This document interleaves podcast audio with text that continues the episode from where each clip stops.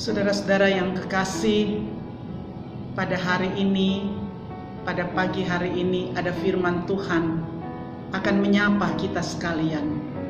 Sebelum kita membaca firman Tuhan, mari berdoa. Terpujilah Tuhan Yesus, setiap hari Engkau menjaga kami, dan kami menikmati segala berkat-Mu. Kalau pagi hari ini Tuhan, Kau beri kesempatan lagi kami boleh membaca dan merenungkan firman-Mu, kiranya Tuhan kuduskan kami semua, berkati firman Tuhan untuk dapat menjadi berkat dalam hidup kami.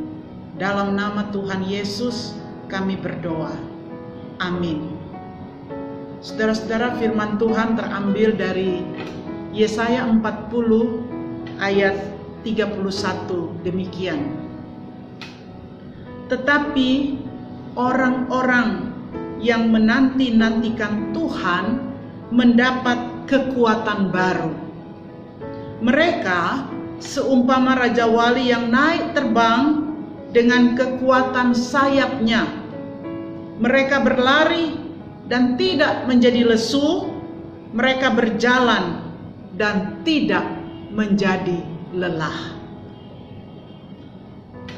Bapak, ibu, saudara-saudara sekalian, satu masa dalam kehidupan burung raja wali akan mengalami masa pembaharuan kekuatan.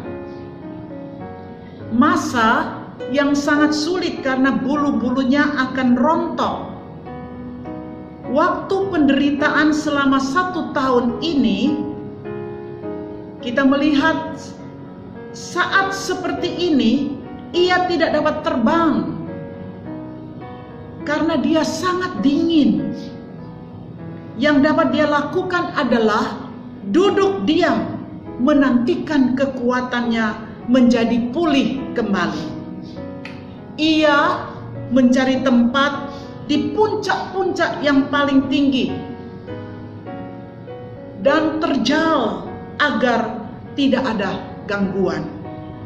Seiring dengan kembalinya bertumbuh bulu-bulunya yang telah rontok, akan pulih pula kekuatan sang Raja Wali.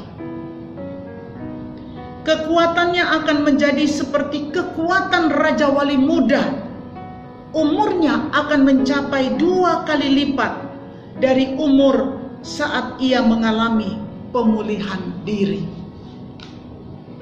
Saudara-saudara, orang Kristen seharusnya mengalami proses pembaharuan kekuatan seperti yang dialami oleh burung Raja Wali. Kita memerlukan kekuatan baru penyegaran iman dan emosi, serta penajaman kembali visi kita. Apa yang harus kita lakukan? Yang pertama, kita mencari tempat yang tinggi. Apa maksudnya, Bapak Ibu? Tempat yang tidak ada gangguannya, agar kita dapat mengintrospeksi diri perlu meluangkan waktu untuk hal ini adalah meditasi saat teduh pribadi. Kita menyisikan waktu ini yang dikatakan burung Raja Wali ambil tempat tinggi untuk kita berteduh di hadapan Tuhan. Yang kedua, membuang hal-hal yang tidak baik kita membuang segala macam dosa yang membebani kita. Seperti burung Raja Wali merontokkan bulu-bulu yang lama. Ibrani 12 ayat 1b mengatakan kita menanggalkan semua beban dan dosa yang begitu merintangi kita dan berlomba dengan tekun dalam perlombaan yang diwajibkan bagi kita. Saudara, kalau yang pertama kita ambil waktu teduh, saat teduh berdoa, bersekutu dengan Tuhan, meditasi.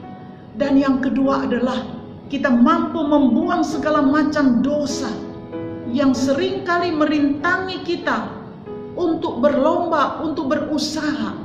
Jadi semua yang merintangi kita, kita harus lepas. Seperti seorang atlet lari, dia melepaskan semua beban-beban dan dia boleh konsentrasi untuk mengikuti perlombaan atlet itu. Yang ketiga, kita bersabar dan berdiam diri. Membiarkan Tuhan terus bekerja secara ajaib di dalam kehidupan kita hingga muncul bulu-bulu yang baru. Hendaknya kita merindukan kuasa Tuhan yang terus memperbaharui kehidupan kita. Saudara-saudara, hal-hal inilah yang akan memperbaharui kekuatan kita di saat kondisi yang masih sulit ini. Kita membutuhkan tiga hal yang sudah kita dengarkan bersama-sama untuk pembaharuan kekuatan iman kita kepada Tuhan. Amin. Mari berdoa.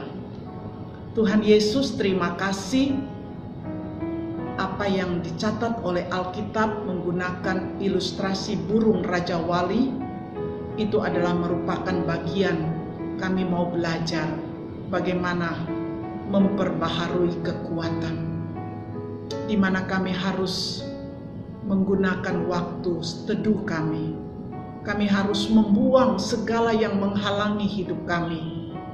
Dan ya Tuhan, kami harus sungguh-sungguh hidup mengandalkan Tuhan. Hidup dekat dengan Tuhan. Hidup mencari hadirat Tuhan. Terima kasih Tuhan Yesus, kami boleh menikmati kebenaran-Mu. Dalam nama Tuhan Yesus, kami berdoa. Amin.